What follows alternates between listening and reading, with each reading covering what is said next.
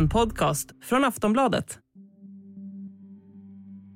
De flesta av oss har precis öppnat kuvertet med en av de dyraste elräkningarna någonsin.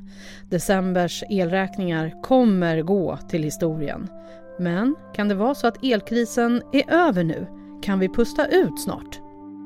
Is Europe's gas price crisis finally over? Wholesale natural gas costs for the continent have fallen to levels not seen since late 2021 and several months before Russia's invasion of Ukraine. High gas prices have been a major driver of inflation across Europe. The knock on effects of the war and sanctions against Moscow saw them hit record highs during 2022. But an unusually mild winter that's seen temperature records broken in many countries has meant lower demand than usual, allowing wholesale gas prices to tumble. Ja, det har varit några tuffa månader med skyhöga elpriser som fått många av oss att skruva ner värmen, duscha snabbt och öppna ugnsluckan för att ta vara på värmen. Decembers elräkning blir tuff för många att betala, men nu kan vi vara på väg ut ur krisen. Som det ser ut nu så är Europas gaslager väl påfyllda, till och med bättre än på många år.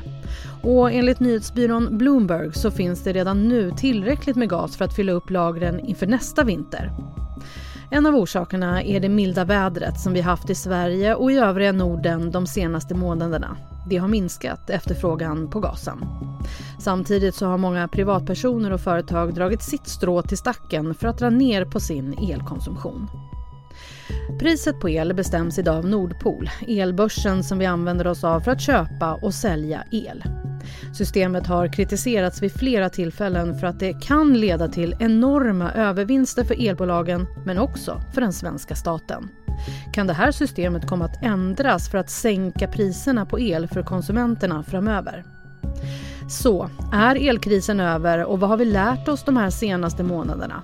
Om nu elpriserna sjunker, vilka effekter kan det få på samhället i övrigt? Och hur ska man göra för att inte hamna i det här läget igen? Allt det här och lite till pratar vi om i det här avsnittet av Aftonbladet Daily med mig, Jenny Ågren. Och jag har med mig Andreas Cervenka, vår ekonomiska kommentator. Andreas, hur står det till med elkrisen egentligen? Ja, i bästa fall så är det på väg att ebba ut i alla fall. Vi hade ju rekordpriser på el i december. Eh, de högsta någonsin för en hel månad. Eh, men nu i januari har det börjat eh, med fallande priser.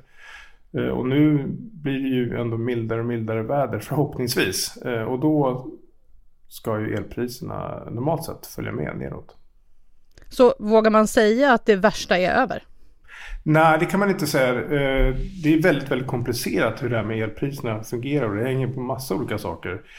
Eh, det hänger på vädret framförallt eh, i Sverige men också i vädret i Europa för att vi är också beroende av elpriserna i Europa och inte minst gaspriserna. Och de har liksom svängt upp och ner men nu har de på senare tid fallit tillbaka lite grann från de här toppnivåerna och det har också påverkat priset på el här i Sverige. Så varför går priserna på el ner just nu då? Ja, men det är olika saker. Dels är det att man i Europa har byggt upp väldigt stora eh, reserver med gas. Eftersom man såg ju framför sig en liksom skräckvinter där det skulle bli brist på el och det har inte riktigt inträffat. Eh, och då har man kunnat då liksom ersätta den här gasen som inte har kommit från Ryssland med gas från annat håll. Eh, sen har då ehm, vädret varit mildare på flera håll än vad man kanske hade befarat. Sen påverkar de också att människor har dragit ner sin konsumtion. Eh, både privatpersoner här i Sverige men även företag i Europa, elintensiva företag har liksom eh, pausat eller dragit ner på sin produktion och det hänger också upp med kommande lågkonjunkturen eller den konjunktur eh, som vi är mitt inne i. Och allt det här sammantaget gör att priset på el faller lite grann. Kan man säga exakt vad det är som privatpersoner till exempel har gjort för att spara på elen? Är det främst att man har dragit ner på värmen? Det är svårt att säga exakt men det har ju, varit, det har ju diskuterats kanske för första gången i alla fall i min livstid att man ska eh, spara på el eh, i alla fall i, liksom brett eh, i, i, medier och det är experter som har tipsat. Och då har ju kanske många lärt sig hur man, vad är det som drar mest el? Att det till exempel duscha väldigt länge eller ta varma bad eller sätta på bastun och sånt. Eh, och det verkar som att många har varit på tårna och det är klart att det förstår man ju med tanke på de här höga priserna. Eh, och, och, även om vi pratar om att det kanske ljusnar lite ska man komma ihåg att de här elräkningarna som vi precis nu har betalat, eller ska betala vid månadsskiftet, det är ju de högsta som många har sett under sin livstid. Eh, så det är ju väldigt, väldigt svettiga nivåer som elen har varit på. Men eh, totalt sett så verkar vi ha dragit ner på, på konsumtionen av el och det ju, hjälper ju också till förstås. Jag tyckte ändå att det kändes ganska bra att man har varit ute och förvarnat om hur hög den här räkningen faktiskt eh, skulle kunna bli. För det var ju lite som en chock ändå att öppna kuvertet. Ja, det var ju det, precis. Hade man inte varit förberedd på det så hade det nog varit en större, större chock. Men det är klart att, att det, det svider. Och nu kanske det inte blir riktigt, riktigt lika illa som eh, de prognoser man hade i kanske slutet på sommaren när man såg eh, inför vintern. Ehm, men det är ändå väldigt mycket pengar. Sen har ju då diskussionen handlat mycket om det här elstödet och de pengarna och det har man kanske räknat med. Så att, eh, men det är klart att tittar man på den här räkningen så kan man konstatera att det som vi varit igenom eh, är, är mitt inne i är en historisk, liksom, ett historiskt skeende. Ja, och nu var ju du inne på elstödet. Det ska ju betalas ut någon gång i februari-mars. Det ska ju baseras på hur man har konsumerat el förra vintern. Om nu priserna sjunker och liksom ordnar upp sig så att säga, kan det bli så att de som inte behöver stödet får det ändå? Nej, det kan man säga. Den diskussionen har ju varit uppe redan innan, nämligen att Eh, eftersom det handlar om historisk förbrukning så kommer ju eh, personer som har gjort av med väldigt mycket el som bor i enorma hus och kanske då har mycket pengar och inte behöver något stöd från staten eh, få det ändå. Men det är en annan diskussion. Men man ska komma ihåg att vi har haft väldigt höga elräkningar under de här månaderna under 2022. Tittar man till exempel på alltså medelpriset under hela 2021 längst i, i söder och där det är allra värst var 82 öre per kilowatt. Och i december var snittpriset 271 öre. Eh, och, och, det har legat över en krona under nästan hela 2022. Så att det är ju, har ju blivit väldigt mycket, mycket, mycket dyrare att värma upp villor och, och liksom använda el. Eh, och det är det det här stödet är till för att liksom mildra eh, den chocken om man säger så. Om det nu är så att de här priserna sjunker, vilka andra effekter skulle det kunna få på samhället? Ja, en sak, eh, alltså några som har varit väldigt pressade eh, av de här höga elpriserna, det är ju företag och småföretag, inte minst här i södra Sverige. Ehm, eh, bagerier, växthus och andra, en del har ju till och med tvingats stänga igen. Så allt annat lika så skulle det förbättra lite med konjunkturen. En annan sak som påverkar är ju förstås inflationen. Eh, I december så var elpriserna den enskilt största faktorn som drev upp eh, inflationen. Eh, och det hänger ihop med hur mycket Riksbanken behöver höja sin ränta och sådär. Så att om elpriset går ner då lättar ju inflationstrycket och därmed räntehöjningarna och då är det ju bra för hela ekonomin. Skulle det också kunna göra så att det bromsar upp den kommande lågkonjunkturen? Ja, det kan man nog säga. Eh, det, det skulle nog eh, hjälpa till. Eh, om, om vi har väldigt höga elpriser så blir det då ännu tuffare för företag till exempel. Utöver då eh, väldigt kraftiga räntehöjningar och sådär. Så att eh, det tror jag är någonting som, som man tittar väldigt noga på från företagens håll. Ja, vi får se hur det blir med räntorna om de höjer dem ännu mer framöver här nu då. Men vad tror du att vi har lärt oss av årets elkris?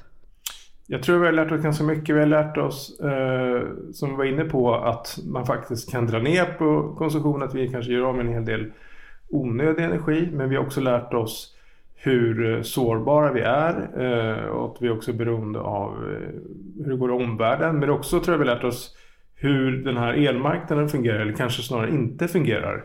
Eh, det har ju varit väldigt, eh, väldigt märklig upplevelse att se priserna kanske gå upp med 1000% på några dagar ibland.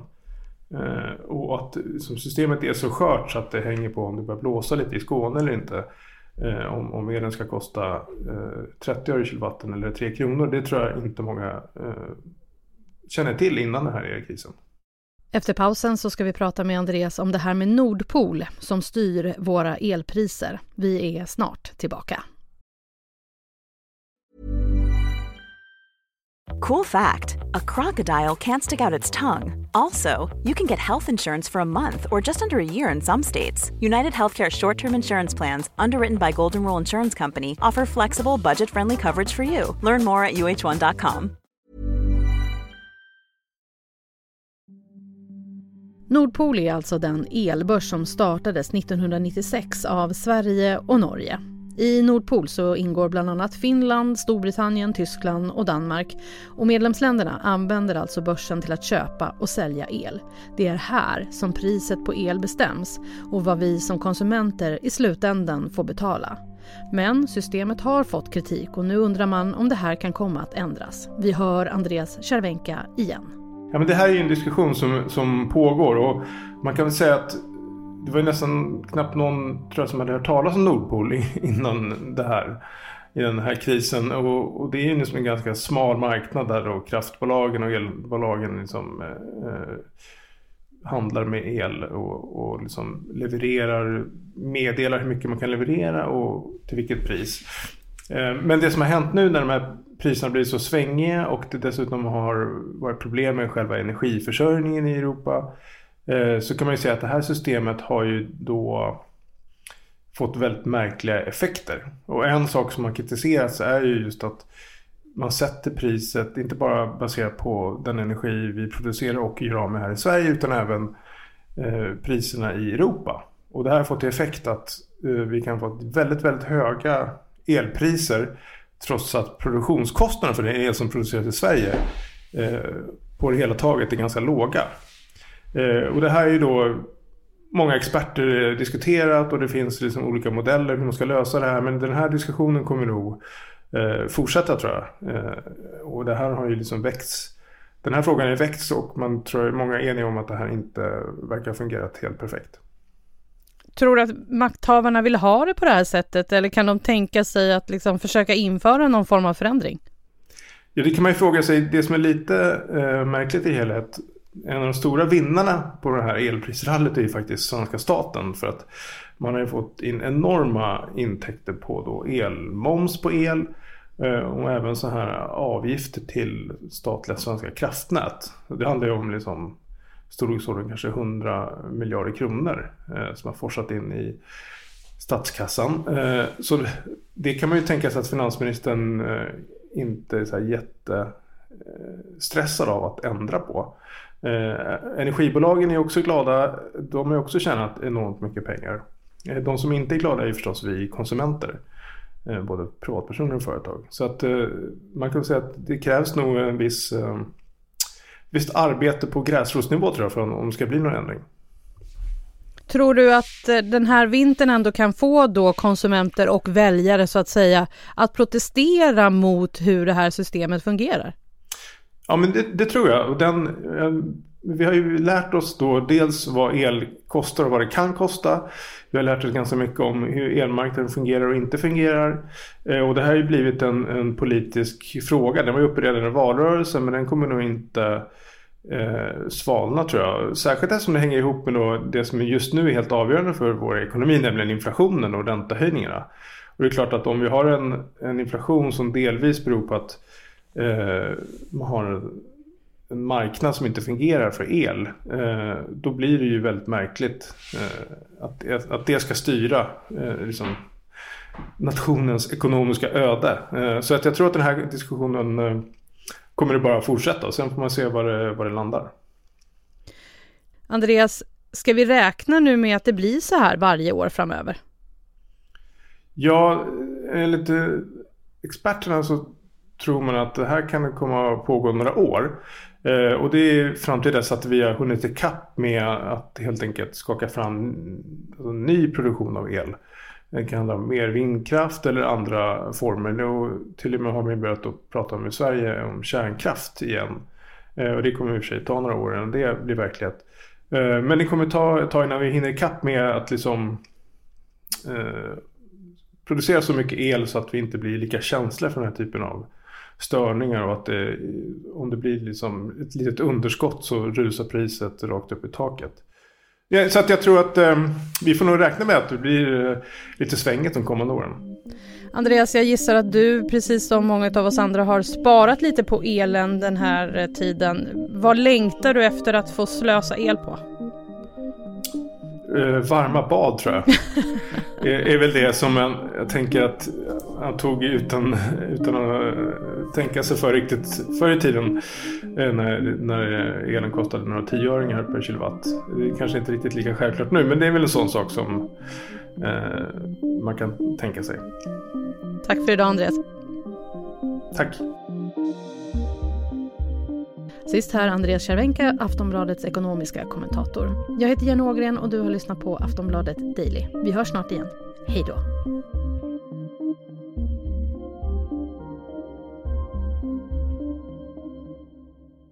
Du har lyssnat på en podcast från Aftonbladet. Ansvarig utgivare Quality sleep is essential for boosting energy, recovery, and well being. So, take your sleep to the next level with Sleep Number. With a Sleep Number smart bed, you can individualize your comfort level and enjoy a better sleep night after night. JD Power ranks Sleep Number number 1 in customer satisfaction with mattresses purchased in-store. And now the Queen Sleep Number C4 smart bed is only $1,599, a saving of $300 only for a limited time.